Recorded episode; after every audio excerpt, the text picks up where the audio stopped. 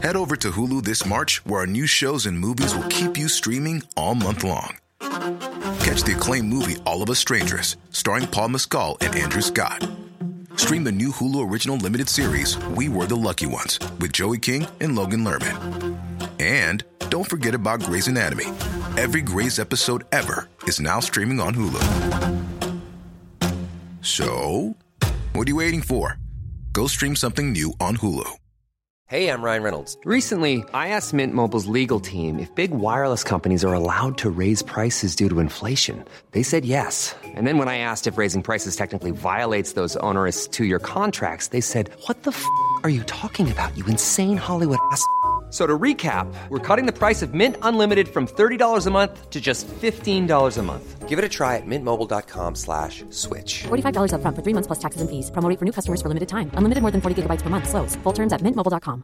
Life is made up of many gorgeous moments. Cherish them all, big and small, with Blue Nile. Whether it's for yourself or a loved one, Blue Nile's unrivaled selection of expertly crafted fine jewelry and statement pieces help make all your moments sparkle. Blue Nile's experts are on hand to guide you, and their diamond guarantee ensures you get the highest quality at the best price. Celebrate a life well lived in the most radiant way and save up to 30% at BlueNile.com. That's BlueNile.com.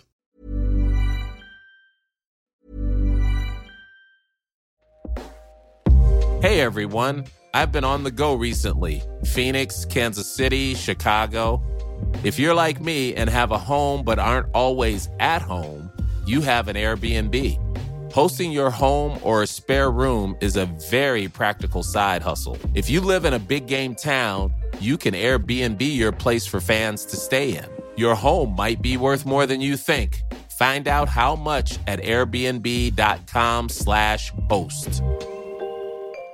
Getting engaged is a moment worth cherishing. A one of a kind ring that you design at Blue Nile can help your love sparkle. Just choose your diamond and setting. When you found the one, you'll get it delivered right to your door. Finding the right engagement ring can be nerve wracking. At Blue Nile, you'll have the expert guidance needed and a diamond guarantee that ensures you're getting the highest quality at the best price. Cherish all of life's moments and save up to 30% at BlueNile.com. That's BlueNile.com.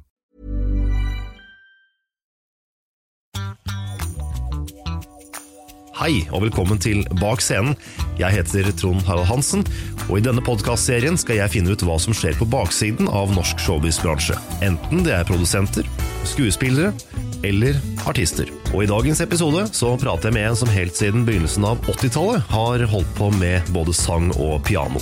Han har inspirasjon fra Jerry Lee Lewis, Chuck Berry, Little Richard og Elvis Presley. Dette er en stor glede. Velkommen bak scenen. Her er Steven Ackles. Bak scenen med Trond Harald Hansen. Steven Ackles, Hallo! velkommen hit. Tusen hjertelig takk. Vi skal snakke om showbiz. Det skal vi gjøre, mens vi tar en slurk av kaffe og spiser litt boller. Det tror jeg blir veldig hyggelig. Det tror jeg Ja. også. Starta tilbake igjen på begynnelsen av 80-tallet. Ja, det begynte faktisk litt før det, altså, men eh, jeg tar utgangspunktet i eh, 1980, altså det er 37 år siden nå. Du verden hvor fort tiden flyr. Det må ha gått veldig, veldig fort. Jeg begynte, jeg begynte veldig tidlig, jeg, jeg sang hele tida, jeg, fra jeg kunne, jeg tror jeg sang mer enn det jeg kunne prate egentlig, på grunn av at jeg hadde et sånt eh, taleproblem, jeg stamma veldig. Så øh, jeg sang heller, fra jeg begynte å, ja, fra jeg var to år, så tror jeg det gikk i Alf Prøysen og, øh, og Anita Hegeland og Erik Bye. Av alle tre treenige artister, så var det de som jeg øh, la meg merke til, altså. Og da sto jeg på alle søppelkasser du kan tenke deg i Lille Brevik i, i Grenland i Telemark og sang, og så merket jeg det at eh, hver gang jeg booka, så fikk jeg masse applaus, og det syns jeg var veldig, veldig artig. Det syns jo alle er stas, Ja, det. så jeg booka både før og etter sangen. ja, så videre oppover så fikk jeg da eh, interessen for eh, eh, Selv om disse tre artistene var med meg hele tiden, så fikk jeg interessen for, eh, for Elvis. Uh, Syns jeg var veldig sprekt. Min søster hadde fått plater fra USA. Vi fikk en stor, diger pakke hvert eneste år fra bestemora mi i USA, hvor, hvor hun sendte skjorter med knapp, altså sånn kneppeknapper, altså som bare sånn, tok, så knepte de igjen, ikke sant. Eh, og så eh, plater og tyggegummi og alt mulig rart, så inni der var det én plate som het From Elvis and Memphis, som kom ut da i 1969. Og det syns jeg at coveret der var så tøft, og det var så fargerikt. Og, og jeg, jeg, jeg tror jeg fant den samme musikalske lyden i stemmen til Elvis som kanskje jeg hadde hørt hos Erik Bye, kanskje. Jeg måtte ha med meg alle de tinga med Erik Bye, som vi går om bord eller lørdagskveld med Erik Bye og sånt noe. Så, så jeg tror liksom musikken min eh, og, og, og den latente interessen altså for musikk, den, eh, den ble nok uh, født akkurat der, altså. Da var jeg vel rundt sånn seks-syv år. Hva er det for noe med Elvis, da? Ja, Hva det er for noe med Elvis? Jeg tror det er kvaliteten i stemmen, at det er spenn, spennende. Alt, alle disse eh, voldsomme klærne han hadde på seg, og alle låtene som faktisk var, eh, var bra. Jeg eh, husker fremdeles det at jeg kunne spare opp noen slanter og ta bussen helt opp til Skien for å kjøpe singler, blant annet. Sånn som Good Luck Charm og The Wonder of You og, og sånt noe. Så det var, det var spennende tider. Det er jo også en tid som er eh, helt forbi, og som dagens unge aldri kommer til å få oppleve. Det å reise seg og kjøpe en singel. Ja, det nå, De skjønner nesten ikke hva det er. Nei. Men uh, det var jo altså, det, var jo kassetter, og så var det singler, og så var det LP-plater. Og de kosta jo ikke mye i dag, altså i dag når du tenker tilbake, men på på oss ungene, da, som ikke hadde så veldig mye penger, og som kanskje ikke hadde så mye uh, ukepenger heller, så måtte du spare ganske bra for å kjøpe deg en, uh, i hvert fall en, en plate. Men uh, det var jo morsomt. Jeg var en utrolig aktiv kar på, på skolen, kanskje ikke i ikke aktiv på de rette stedene. Altså, jeg syns jo ikke akkurat at matematikk og sånt Det var så veldig morsomt. Nei. Men jeg syns musikk var veldig gøy. Så, så vi hadde jo jeg, Før jeg liksom turte å begynne å synge sånn ordentlig, så, så hadde vi mime, mimeshow. Vi hadde Elvis mimeshow, og jeg tok også lot alle guttene i, i, i klassen være både pianist og gitarist. og kor og alt mulig rart, og en som skulle komme ut med skjerf og greier, og alt bare mima vi etter da Hawaii-showet, og det varte jo sannsynligvis halvannen time, så det var sikkert veldig morsomt for folk å se på. Men uh, jeg var aktiv nede Jeg fikk, jeg fikk, uh, jeg fikk krangla meg inn i, uh, i TenSing to år før jeg egentlig fikk lov. Uh, og det var jo veldig morsomt å få lov til å spille og synge, og fikk jo lov til å synge soloer og være med i kor, og sånt det syntes jeg var veldig artig. Uh, man fikk jo ikke lov til å le på seg, man fikk ikke lov til å hoppe rundt omkring der. Man skulle jo stå helt stiv og rolig og synge. Rolig og ordentlig, ja.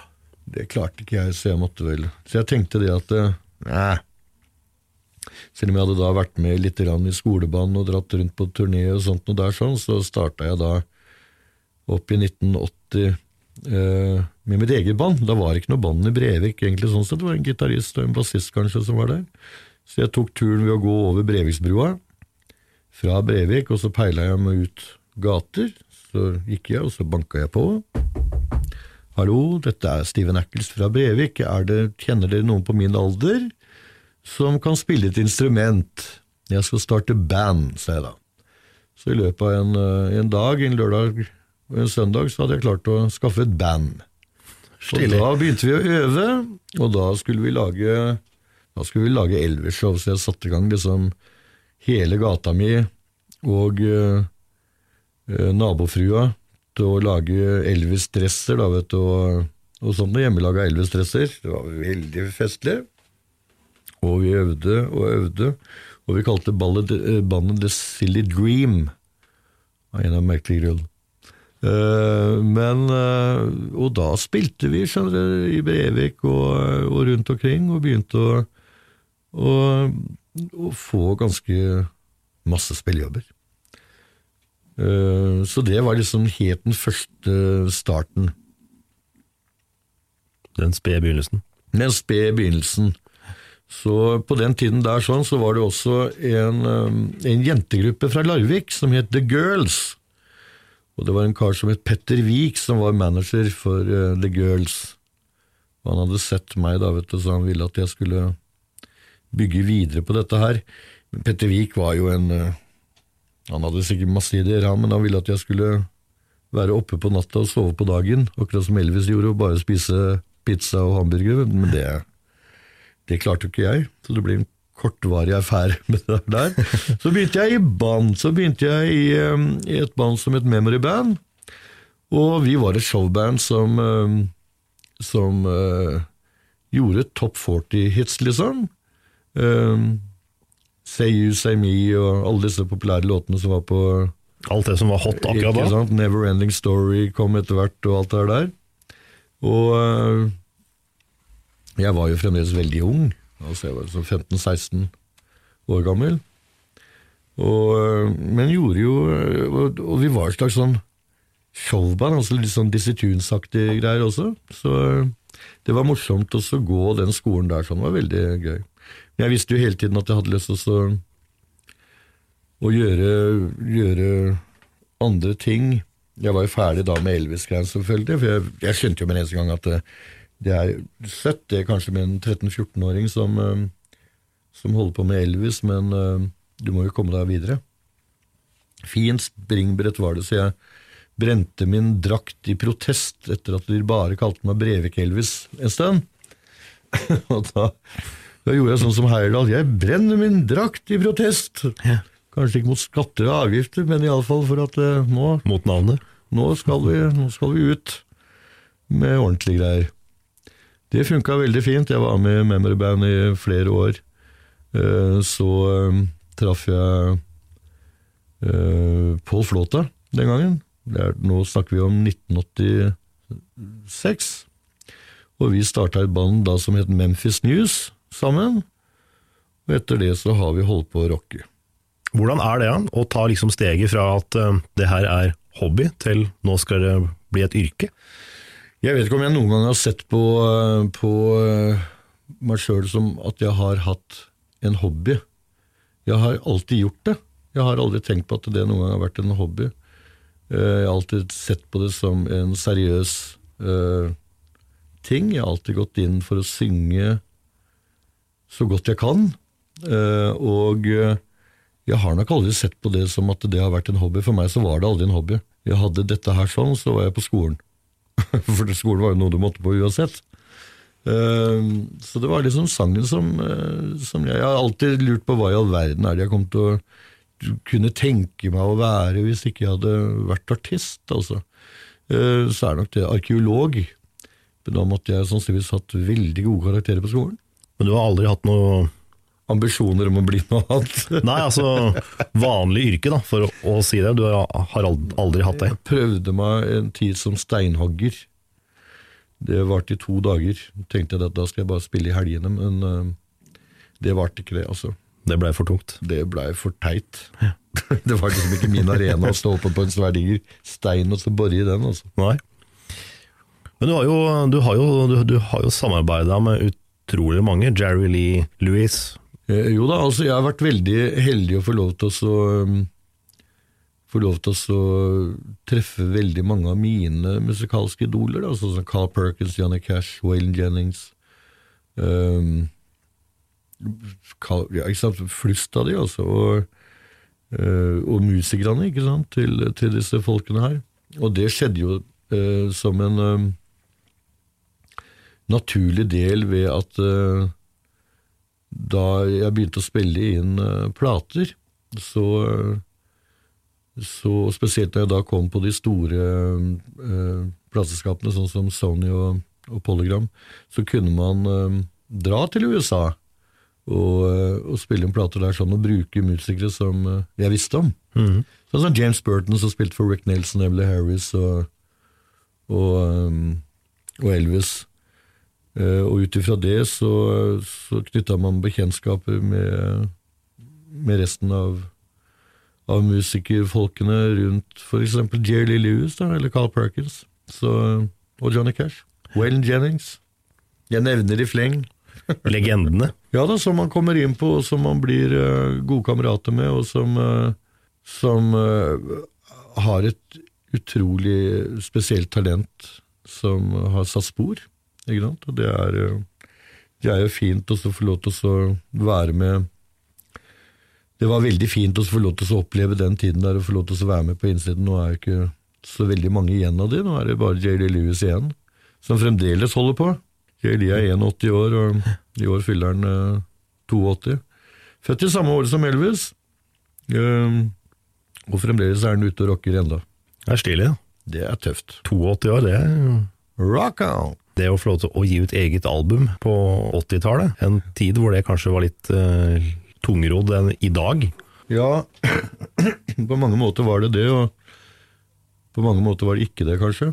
Eh, Det begynte jo med kassetter, altså vi laget den første Memphis News-kassetten og brukte 13 timer i studio, og da hadde vi ikke råd til mer. Det var ferdig miksa, altså. Eh, I 1986, før det, så hadde jeg vært med på noen samlekassetter og, og sånt noe. Men den store første plata mi, den eh, var det Hans Inge Elverøy fra Langesund som spurte om jeg kunne gjøre, og vi hadde jo ikke råd til å trykke opp så veldig mange plater. Eh, og så ble en Spellemannsnominert, attpåtil.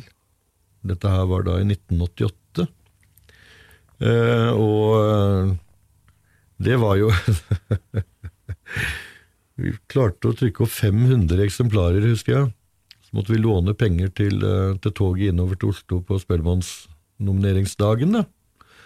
Eh, men da plutselig hadde man da et eh, Da hadde man markert seg igjen, ikke sant?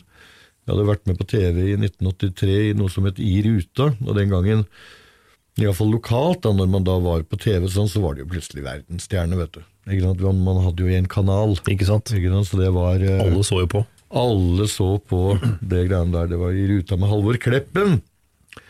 Eh, tatt opp på Høyfjellshotell eller noe sånt oppe i, oppe i Telemarken.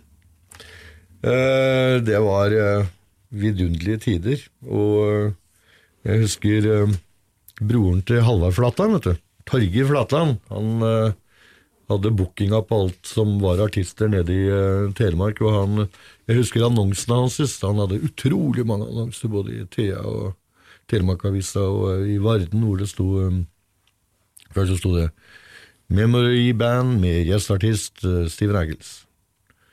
Så sto det, eller med gjestartist. Eh, Memory Band med Steven Eccles. Steven Eccles med Memory Band. Og så var det store digre etter TV-greia, så sto det Steven Eccles med, og så veldig lite sist, Memory Band. Han melka jo det greia der, vet du. Ja, ja. Og vi holdt på å leve oss i hjel. Nei, det å lage plate den gangen, det var voldsomt. Så når jeg da var Spellemannsnominert til dette her sånn, så var det jo også den gangen jeg fikk eh, ny manager her i Oslo som het Petter Bakke.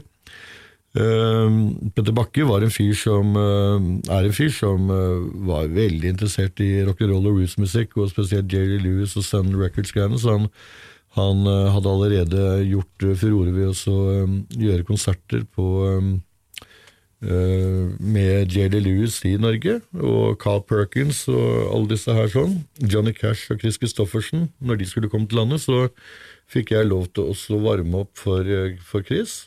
Dette her sånn er tilbake da i 1987, det er 30 år siden. Uh, og uh, han ble manageren min, og så uh, skaffa han meg flere platekontrakter etter det. Og uh, blant annet Grappa, som eh, vi var på, var andre plateselskapet som jeg hadde. Eh, så var det Morten Reff sitt plateselskap, og da dro vi til USA for første gangen og så gjorde plate der borte med Kenny Lovelace i spissen, som, eh, og Narvel Feltz het jo han som, eh, som er en av de eh, countrytenorene, altså, som ble lagt eh, merke til. Lonely Teardrops og masse andre fine låter som han laga. Den innspillingsprosessen i studio på 80-tallet var kanskje mye mer omfattende enn i dag? Nei, jeg Ikke? er litt uenig, for at det, i alle fall ut ifra det jeg eh, gjorde, da, da, da hadde vi liksom hele bandet på, på en gang, og så sto jeg kanskje enten sammen med bandet eller ute i et annet rom, og så, sang, og så spilte vi inn sammen. Vi spilte inn alle sammen, og det var veldig lite som blei liksom lagt på, og du måtte øve ganske bra i forhånd, sånn at ikke du brukte liksom hele tida til å ta takes og takes og takes, ikke sant? Så det var veldig lite som blei uh, lagt på. Det var, det var jo uh, Det blei ganske lange dager noen ganger, men eh, eh, det, var, det var en vidunderlig måte å lage plate på. Nå er det jo sånn at eh, du tar og gjør kanskje noe av grunnkompet, og så legger du på en, på en stemme, og så legger produsenten på alt det du kan tenke deg av mye greier, og så kommer sangeren inn igjen på slutten, for så å legge igjen eh, sangen for å få den filen på det da. Så dette var, det er jo en mer ja, tidkrevende prosess i dag, tror jeg, enn det det var eh, den gangen. Den gangen, ja. ja. Mer sjel, da, når du gjør det live? Det kommer jo helt an på øh, det. Jeg finner masse sjel i det. For at jeg, de nye produksjonene er jo også med på hele greiene. Jeg hører liksom hva jeg liker og hva jeg vil ha der og hva jeg ikke vil ha der. Så, så jeg, er, jeg er ganske sikker på, på det at jeg ikke slipper ut noe som ikke jeg liker. Jeg begynte å bli litt kritisk på gamle dager. Du vet disse store artistene som Michael Jackson og, og Prince og sånt, som kunne bruke liksom to-tre år for å fullføre en eller annen singel. Noe som jeg også syns er litt eh, over eh, altså, du, du må også tørre å gi fra deg kunsten din før du liksom går helt inn i greiene og hører på hver eneste note. og sånn, for at eh, Jeg mener det at en låt skal leve, du skal høre at ting puster. Og ting behøver ikke å være 100 eh, finslipt. Det blir jo ikke noe særlig det blir ikke noe særlig rock'n'roll av det. Men jeg skulle tro det er vanskelig for en artist å liksom overlate alt til noen andre, produksjon og hele, det, og, og hele den uh, greia der. For det kan jo hende at eh, han ikke får til det som du går rundt og tenker og, og føler på at uh, Nei, derfor er det veldig, veldig veldig viktig med en produsent som du stoler på. For du kan ikke være der 24 timer i døgnet. Iallfall ikke jeg. Jeg må ut og spille litt, jeg òg. så du må liksom legge fra deg Når du mener at du har gjort ditt, så må du liksom la noen andre få lov til å komme inn og, så, og, og styre greiene. Men da har du prata så mye med produsenten din at du er enig om hvordan det skal eh, være. Mm. Så at ikke du får en overraskelse, og får du en overraskelse, så får du be produsenten om å gjøre det på en annen måte. Platebransjen i dag er jo noe helt annet enn Ja. gamle dager. La oss prate om den. Nei, la oss ikke prate så mye om det. Du har vel merka en del endringer der, du også? ja, jeg har, eh, jeg har merka veldig mye endringer, og jeg syns det er eh, trist at det er blitt som det er blitt. Men eh, det er jo på grunn av, på grunn av eh, altså YouTube og eh, hva heter det, Spotify og, og Vimp disse- og Tidal og- og Vimp og alt det greiene der sånn. Så, og det er lettere for, for mennesker å ta så, Ja, men den hørte jeg på radioen, nå tar vi og laster ned den låten. Og så tenker de kanskje ikke på det at artisten har kanskje tenkt at det hele plata øh, har kanskje en rød tråd gjennom seg, eller at man skal oppleve kanskje en hel plate som, som et kunstnerisk uttrykk. Øhm, det er kanskje mindre og mindre av det nå, så man, man blir vel det er, De fleste artister øh, tror jeg går inn for nå å ikke gjøre plate lenger. Altså de, de kommer ut kanskje med en, øh, med en singel øh, og promoterer den isteden. Det, er man- det er vanskelig å bli spilt på, på radio. Utrolig vanskelig. Det sitter liksom syv personer som skal bestemme liksom hva som skal rullere på hver kanal, unntatt denne kanalen her. Da. Ehm, som er veldig frustrerende for, eh, for artister, det at eh, de får ikke promotert kunsten sin. Det er, eh, det er veldig øh, journali- Musikkjournalister har ikke kjangs til å følge opp alle platene som kommer, og skrive en kritikk av platene i aviser, for det er for mange som kommer ut med den og den og den. Eh, journalister i dag får ikke overtidsbetaling for å gå og, og kjøre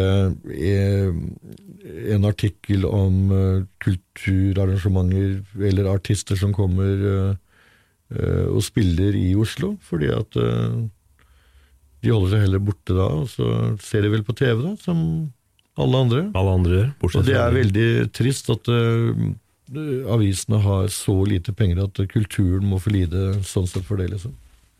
Eh, de, de kommer selvfølgelig når det er store, digre artister, og så glemmer de de norske, kanskje oppkomming, eller de gamle artistene, sånn som meg. Jeg klager ikke, jeg, altså. Jeg har det veldig greit. Men det er klart at eh, noen ganger så vil artister også få kritikk, rett og slett på grunn av eh, på grunn av å se hvor man er. Altså. Selvfølgelig. Noen, noen musikkjournalister har jo et begrep om eh, hva du holder på med. Og iallfall jeg som har holdt på i 37 år, og, jeg vet at uh, en del av musikkjournalistene fremdeles er på de eh, stedene, så hadde det vært artig å høre hvordan de, hvordan de syns uh, jeg gjør, om utviklingen er der, eller, eller hva de mener uh, om ting. Fordi at musikkjournalister, selv om du kan hate dem, så, så kan de også være en liten rettesnor. Ikke sant? Jeg har blitt nedstemt eh, voldsomt i gang, jeg, og det syns jeg vel ikke var så veldig hyggelig. Når jeg hører på plata i dag, så er den jo kanskje en av de fineste platene jeg har gjort, og det tror jeg også den musikkjournalisten som eh, sendte meg rett ned i kjelleren den gangen, også faktisk syns uh, i dag. Ja, har blitt mer uh, Jeg var litt moden. før, jeg var kanskje litt før, litt før tida, kanskje. Det kan det være. Ja. Ettersom i hvert fall eh, vanlig CD-salg, det er jo omtrent ikke lenger. Vinylen har jo gjort gjeninntog. Ja, den har det. Eh, Jeg selger CD-ene mine på veien. Det er der jeg selger CD-er. Heldigvis har jeg masse å gjøre sånn at jeg kan selge, selge en, eh, god del. da. Det er klart det er ikke noe tall som det var før, hvor du solgte 20 000 og 25 000 og 40 000 og sånt. noe. De, de mengdene der må du bruke veldig mange år på å gjøre. Eh, Selv om det er jo folk som Jeg ser det er jo band og sånt som gjør det enda. Eh, Da er det en hype, og det koster forferdelig mye å, å reklamere for, eh, for et produkt som du skal tjene inn på igjen og sånt. Så det er ikke, det er ikke altså CD-plater og sånt er jo ikke lukrativt lenger, sånn som det var før for artister. Det er ikke det. Ikke sant? Det blir en, det blir en veldig, veldig dyrt øh, sånn kort, sånn business card. Det er det det blir. Ja, det blir jo det. Hvis vi tar og flytter oss litt fram til begynnelsen av 90-tallet, vi går fra én TV-kanal til to, og du blir programleder i TV 2. Ja, visste du det? Ja. Ja. Skal vi se, den het Stevens Drive-In. Uh, og så hadde den en sånn eh, hake på seg på slutten hvor det het med nebb og klør. Eh, Stevens Drive-In var meninga skulle være et entertainerprogram hvor jeg skulle være en slags uh, Dean Martin. Uh, en, hvor jeg skulle få gjester som, som var litt substans i, og, og um, og som jeg hadde et forhold til, eller jeg kunne ha et forhold til, som jeg visste liksom litt mer hva jeg gikk til. da. Det ble vel ikke sånn i det hele tatt. Det ble et sånt konkurranseprogram hvor det også var gjester, men du hadde liksom eh, PR-sjefer for Bergen by, du hadde Ingjerd Pytte, blomsterkransdekoratør, også verdens sterkeste kvinne. Altså det var det var en del mennesker som jeg absolutt ikke hadde noe forhold til. Altså, som, jeg, som jeg ikke kunne gjøre noe med, altså. Men, jeg, men da jeg hadde Finn Kalvik der, så var det veldig gøy. Og så var jeg ikke veldig spesielt glad i, i rev og slanger og mink og sånt, og som jeg da måtte forholde meg til med i nebb og klør, hvor de da gjerne ville at jeg skulle holde disse dyra. ikke sant? Oh, ja. um, og sånt nå, så jeg hoppa av etter en sesong. Jeg husker um, vi var veldig nervøse for hvordan dette her kom til å bli, og når vi leste kritikken dagen etter, så sto det i det sto i Dagbladet, ja. Eh, kritikk for programmet, hvor det sto eh, 32 ganger fantastisk! Og vi blei jippi!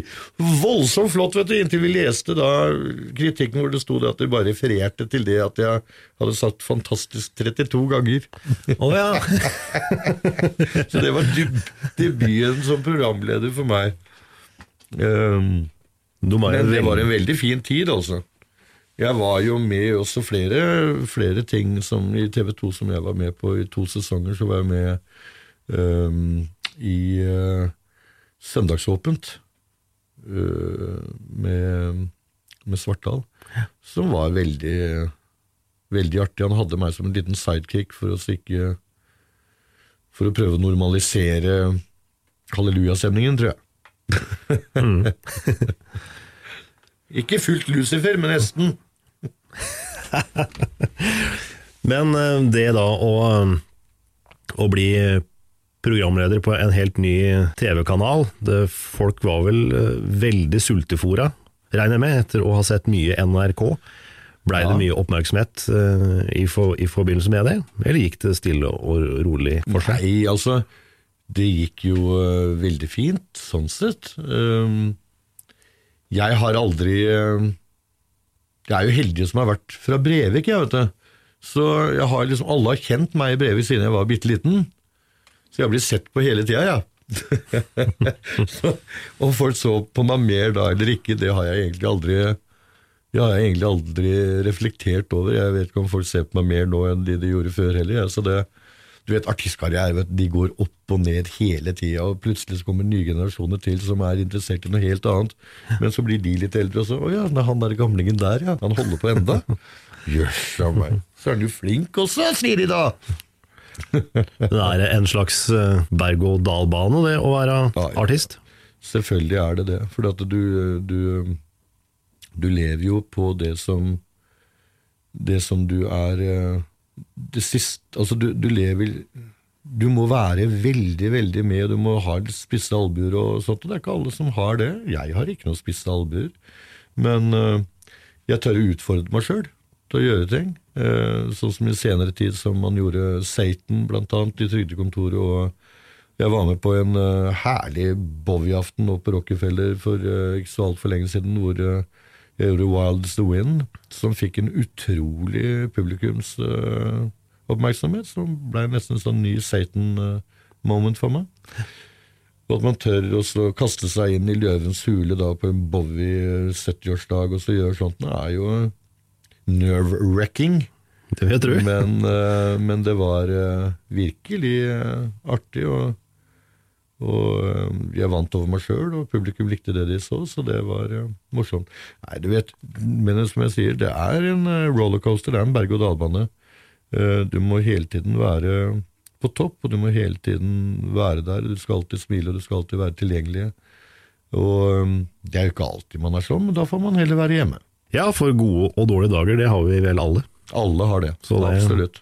Du nevnte jo så vidt i stad, du, har, eh, du har gjort noe tegnefilm. Eh, Jeg har gjort voiceover på, på Smurfene 1 og 2, og på Riverolf.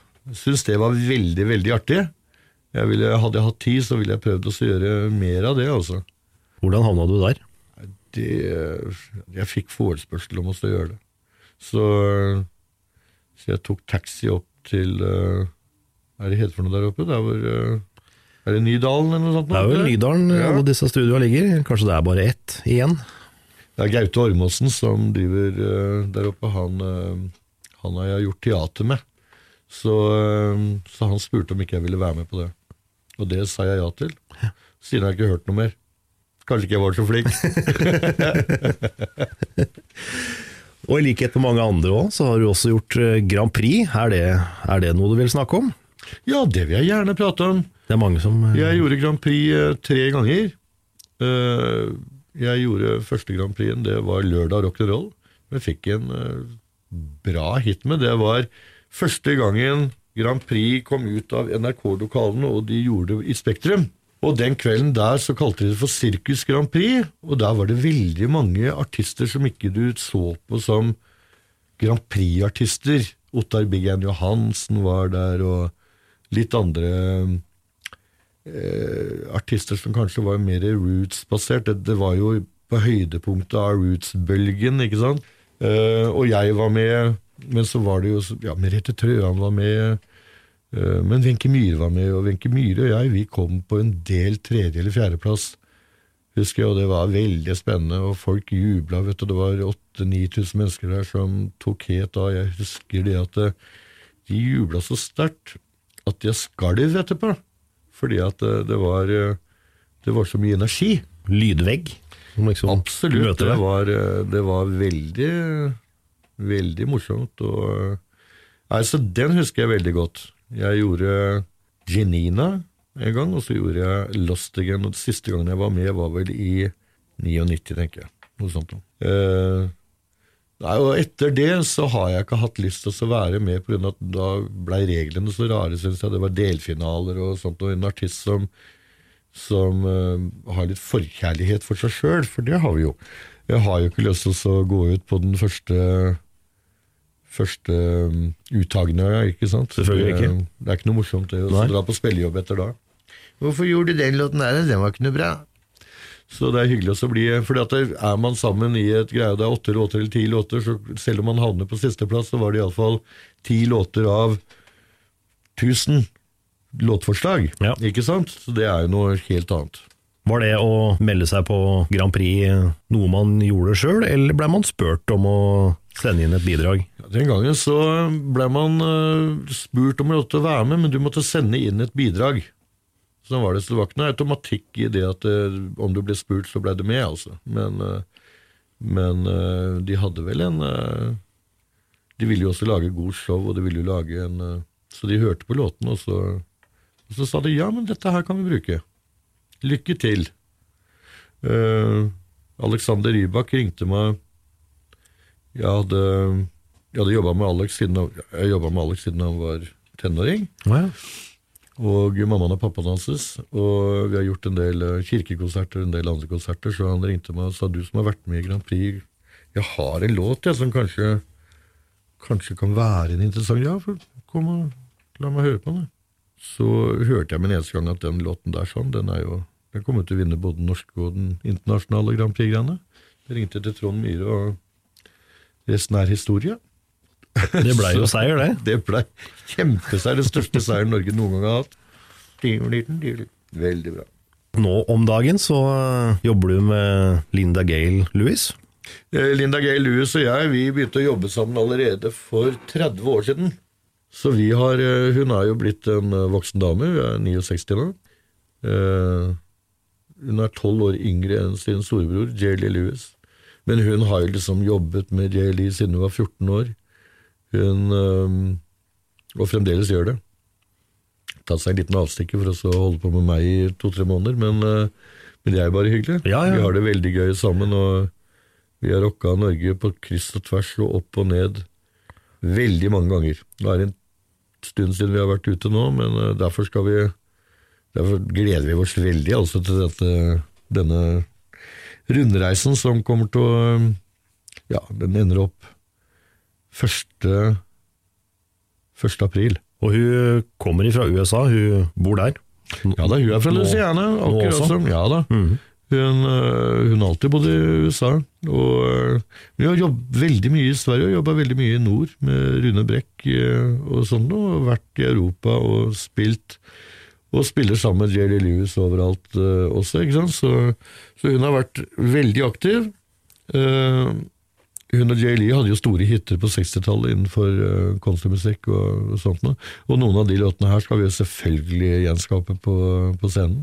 Linda og jeg har spilt inn eh, flere duetter sjøl, så vi skal nok kombinere dette her til å bli ganske bra. Er det sånn at det er enklere for musikere å finne hverandre på tvers av landegrenser enn det er for f.eks. skuespillere? Eh, Jeg vet, ikke hvordan, jeg vet ikke hvordan skuespillere egentlig eh, gjør det, men jeg tror kanskje det er mye mer produsenten kanskje for et, eh, for et stykke som setter, eh, setter skuespillere opp mot hverandre. Noen ganger så klikker det, noen ganger så klikker det ikke. Det kan nok være veldig mye sånn i, i musikkbransjen også, men eh, Linda og jeg vi traff hverandre, og det sa klikk første gangen. Og, og vi, har, vi har alltid syntes at det har vært eh, veldig morsomt å jobbe sammen, fordi at vi, vi jobber godt sammen. Vi forstår vår musikalitet er ganske likt, og, og da er det jo bare til å kjøre på. Du sier jo sjøl du har holdt på i 37 år. Er det spesielle ting som er, som er liksom ekstra fine minner? Ja, men det er det jo. Selvfølgelig er det det. Det er veldig mange av de. Jeg har vært veldig heldig å ha forferdelig mange fine minner. Eh, fra å stå utafor en klubb i New York eh, hvor du synger tostemt med Carl Perkins, til eh, å jobbe sammen med Erik Bye de seks-syv siste åra han levde, til å åpne opp for Jay Lee, eller Det er klart det at det er, eh, det er mange minner, det å stå sammen med Waylon Jennings på scenen og i studio. Det har vært eh, det har vært utrolig mye flotte ting som jeg har fått lov til å oppleve. og men jeg, jeg bare sier at det- 37 år går veldig fort. Det er jo forferdelig mange år. Du tenker på at Elvis hadde da kanskje en, eh, en karriere fra på 23-24 år, liksom, så, så har jeg slått den. Eh, og, ikke sant? Og, og jeg har jo Og jeg er såpass eh, ung i anførselstegn at jeg kan holde på mye, mye lenger, og mange år til. Eh, Så lenge er- som man er frisk og, og, og har lyst, da. Ikke sant? Jeg kan ikke se for meg sjøl et eller annet liv nå som jeg skal finne på noe annet. Det gidder jeg vel ikke. Jeg var eh, og så på Lady Gaga og Tony Bennett nede på tivoli her for uh, uh, sommeren for to år siden, hvor uh, det var to uker før Tony Bennett fylte 89 år. Lady Gaga gjorde en flott uh, prestasjon, selv om hun aldri blir noe Ella Fitzgerald, men, uh, men, Tony Bennett, da, som er da liksom 88 år, der fyller da 89 år to uker etterpå, går ut på scenen der og svinger seg rundt og har den samme kraften og synger helt klokkerent og tøft og bra. Og da tenkte jeg at eh, hmm, det er jo ikke helt umulig at det går an å prøve å holde seg såpass øh, flott at man kan holde på som entertainer, altså langt opp i 80-åra, og gjøre det bra. I eh, 2012 så er du med på NRK og programmet Trygdekontoret. Ja. Og den, eh, den opptreden du hadde der, den fascinerte meg, og den fascinerte også veldig mange andre. Jo, jeg kan jo fortelle historien om denne feine, flotte låten som heter noe så muntert som Satan. Satan, altså. Jeg hadde akkurat kommet hjem fra en Nord-Norge-turné med Bø Gospelkor. Bø fra Vesterålen. Da jeg fikk telefon øh, fra øh, Trygdekontoret. 'Hallo, det er Trygdekontoret i NRK.' 'Ja vel', sier jeg. 'Heter ikke dere Nav?' 'Nei, vi heter Trygdekontoret, det er et program.' 'Å, er det et program?' sier jeg. 'Lykke til.' Jeg visste ikke om det programmet i det hele tatt. Og ikke hadde jeg da truffet Thomas Seltzer, og sånt noe, de, men de sa det at uh, vi, har, vi vil gjerne ha deg med på en sending, og du skal synge en låt som heter Satan, sier jeg. Det kan jeg nok ikke gjøre, men du kan jo ta og spørre spørre Pål Flåta. Han synger sånne låter. Han synger sånne dype, triste ting med en flott stemme og alt det der. Sånn. Det var nerve og alt. Nei, det er du som skal gjøre den låten der. Jeg sier nei, nei, nei, det kan jeg ikke gjøre. Jeg har akkurat kommet hjem fra gospelturné. Kan... Jo da. Så ringte vel Thomas Seltzer og overbeviste meg om å gjøre det, og så sa han les teksten. Det handler ikke om Staten i det hele tatt. Og da gjorde jeg det, og så tenkte jeg Så fikk jeg denne teipen med den låten på, og det var jo så Det var jo fullt orkester og sånt, og tenkte at hva i all verden skal jeg gjøre for noe med den der? der? Så jeg spurte gitaristen min Joakim Svendsen, hør på den og se om du kan få jobbe ut et arrangement på den. Så vi hadde ikke tid til å komme sammen egentlig før vi dro til NRK, så vi satt nede i disse rommene vi får på NRK der og gikk gjennom låta en gang, og så gikk vi opp i studio, så satte vi lyden uten å kjøre gjennom den, og så kjørte vi den igjennom. Og så sier presidenten at der har vi den. Ja vel, ja da er dere ferdige. Tusen takk, og god natt.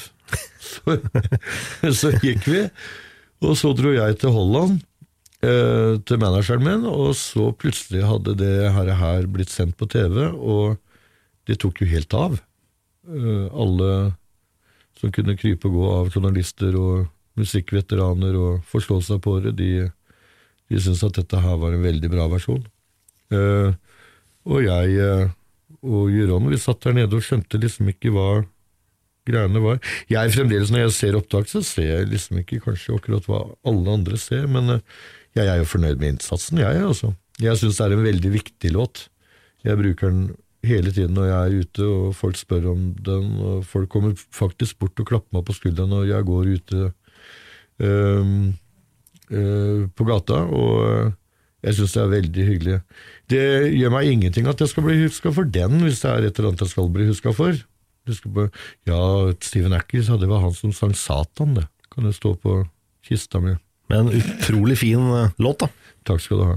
Det er jo en veldig mektig låt. eh, en viktig låt. Var det også en ypperlig anledning til å, å gi ut nytt album året etter, med litt uh... Ja, den kom eh, Ja, jeg vet ikke riktig når den kom, eh, hva plata kom ja, liksom det, det, som, det som skjedde her, sånn var at vi uh, Giron, som er manageren, han ville lage en video, så vi lagde den første, aller første videoen jeg noen gang har laga. Den uh, Love Is Cruel, den ga vi ut jeg tror det var tre dager før Det var vel derfor jeg var i Holland. Vi skulle gi den ut på YouTube og sånt noe. Og så kom jo Satan ut. Og da ble det som Love Is Cruel, den liksom kom litt grann i andre rekke. Den forsvant litt, ja. Men eh, det var jo fint at vi da hadde den singelen, og så kom det da, ja riktig, det kom vel da mars eller noe sånt, ja, så kom, eh, så kom den plata. Eh, Og da fikk vi låne opptaket av NRK også, for å ha med Satan der, så det var, eller vi fikk opptaket, så det var veldig hyggelig gjort. Der kom iallfall lisenspengene mine til gode. ja. Så eh, det var eh, Det var en plate som blei lagt merke til, og det var, eh, det var veldig morsomt å kunne gjøre det. Altså. Etter å ha slitt med å bare være rundt på pizzahus og brune barer, så var det deilig å kunne komme og, og komme seg opp igjen litt fra, fra de nederste gestalter. Det er jo ikke helt uh, samme av det. Nei, altså det er, Jeg har alltid vært en uh, hardworking man. Det er klart at det, det er litt annerledes å kunne stå på ordentlige scener hvor folk sitter og ser på og, og kan, kan forstå hva du gjør på en scene, i stedet for at de danser foran deg, og det eneste du ser er rumper, altså. For jeg sitter jo og spiller piano ikke sant, som regel, og det eneste du og de skal jo akkurat danse foran deg også, av en merkelig grunn. De betaler liksom 200 kroner for å komme inn for å danse på deg. Det har jeg aldri noen gang forstått. At de kan danse bak. Skal folk som har lyst til å se, sitte foran? Jeg var i Oslo Spektrum i mm, 2012, når Hellbillies var 20 år. Ja. Der sto jo også folk og dansa. Og det er litt sånn, hvorfor? Ja. Hvorfor gjør vi det? De er jo, de er jo fra Gol, da. Ja ja, men det er ikke noe danseband heller. Nei, det er ikke det, vet du. Men eh, nei da, det er eh, Men heldigvis på Spektrum så har de iallfall en høy scene, da iallfall. Ja, ikke sant? Det er ikke alltid man har det på sånne steder som jeg spilte den gangen. Nei. Derfor er det veldig hyggelig også å ha fått lov til å tatt steget ut til, eh, til kulturhusene og sånt. Ikke det jeg sier, det er ikke noe gærent i å gjøre en jobb nå, nå og da, men det å ha fulle folk som hele tida skal rause over og falle over pianoet ditt, og du må holde liksom publikum borte med én hånd mens du spiller, og konsentrere deg om ikke å få mikken i kjeften og alt det der, så er ikke det alltid like, like mm, artig, Nei. for å si det sånn, da. Og på et kulturhus så er det jo litt mer ordna forhold, og der, der har jo også du som artist fullt fokus. Ja, ikke sant? Og det, jeg kan, da kan jeg gjøre det jeg liker aller best, altså underholde, altså. Og se publikum i øynene og, og vite at de følger med på hva jeg gjør. Det har jeg aldri vært noe nervøs for. Det har liksom vært i deg hele Jeg har alltid vært nervøs ved at jeg vil at folk skal like det jeg gjør. Ikke sant? Og at man kommer ut på scenen og så ser jeg folk, og så ser jeg om de er vennlig, vennlig innstilt eller ikke. Eh, men som regel så selvfølgelig er de vennlig innstilt. De er jo det. Yep. Som regel, i hvert fall. Som regel. Ja. Men du må si litt om samarbeidet du har hatt med Vidar Busk og Pål Flåta. Altså, eh, Vidar Busk, Pål Flåta og jeg, vi har jo dratt rundt nå i to år med denne Elvis-forestillingen vår. Eh, en eh, hyllest til, til Elvis Presley. Vidar kanskje ikke så veldig mange som vet at Vidar og Pål og jeg, vi er gamle barndomsvenner, altså. Jeg er fra Brevik i Telemark, Vidar er fra, fra Langesund, og Pål Flåta er fra Skien. Så vi har liksom kjent hverandre helt siden vi var sånn 12-13-14 år gamle, og vi har gått inn og ut av bandet til hverandre og sånt, og vi har eh, Så da vi eh, Da manageren min skjønte at det var 80 år siden Elvis eh, blei født, så sier han til oss at kanskje vi skal ta oss og gjøre det samme som dere gjorde for en 7-8-9 år siden. Samle Pål og, og Vidar kanskje dra rundt oss og gjøre noen konserter. Så de fire-fem konsertene vi planla da, blei altså i to år, og 80 konserter seinere så, så har vi gjort da til og med juleforestillinger, og vi har planer altså til 20 øh, 21 med forskjellige ting. Med, vi skal ut med Gospel Elvis i 2018 blant annet, og sånt noe.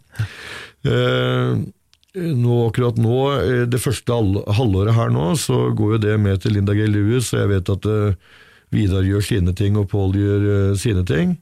Men så skal vi gjøre ting i sommer igjen, og jeg gleder meg. Altså, nå er det jo 40 år siden Elvis døde. Det er det også.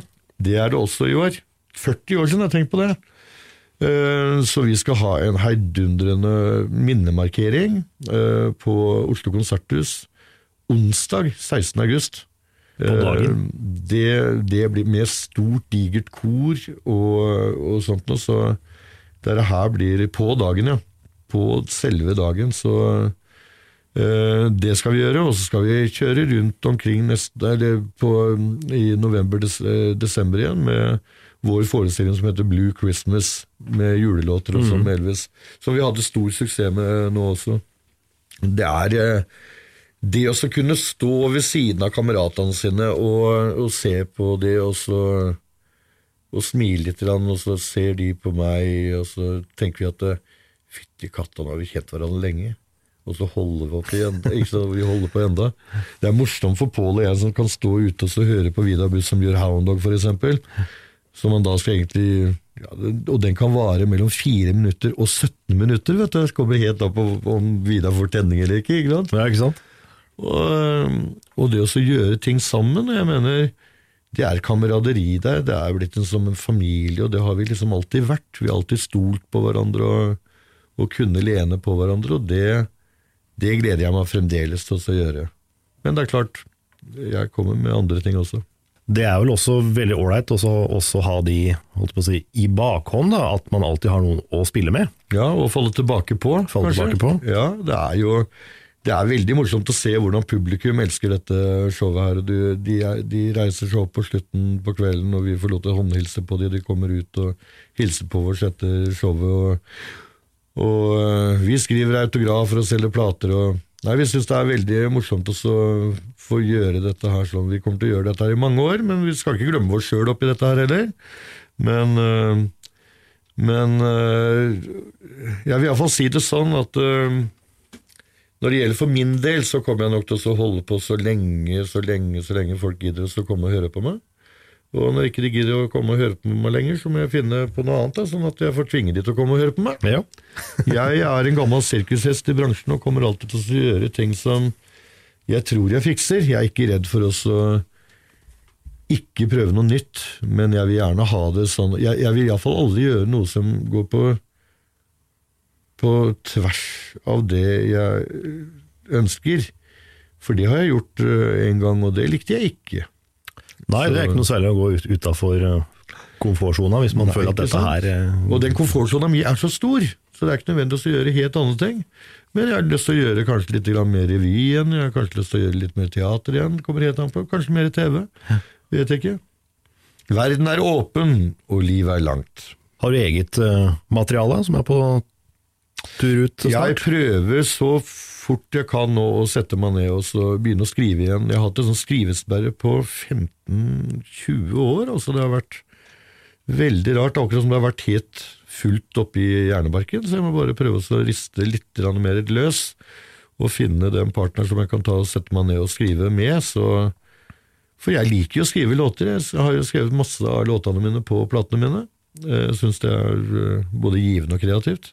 Men så er det det å få roa kroppen og tankene nok til å sette seg ned og så gjøre det. Jeg sier tusen takk, Steven. Det har vært eh, veldig hyggelig å ha deg på besøk. Du, Veldig koselig å få lov til å komme hit. Dette her gikk jo så altfor fort. Det var min prat med Steven Ackles. Tusen takk for at du har hørt på. Dette er Bak scenen, podkasten som tar deg med på baksiden av norsk showbiz-bransje. Jeg heter Trond Harald Hansen, er tilbake igjen om én uke. Du finner flere episoder ved å gå inn på iTunes og søke opp Bak scenen. Og om en uke, da kommer Marianne Krognes på besøk. Så syns jeg de der pølsene ser på meg, altså. Ikke sant? Det var sånne etterslinger som også var Som jeg fant på i farta. Så det var et veldig sånn skaperverk med meg og Ivar. Det var veldig avgjørende at det var meg som gjorde det.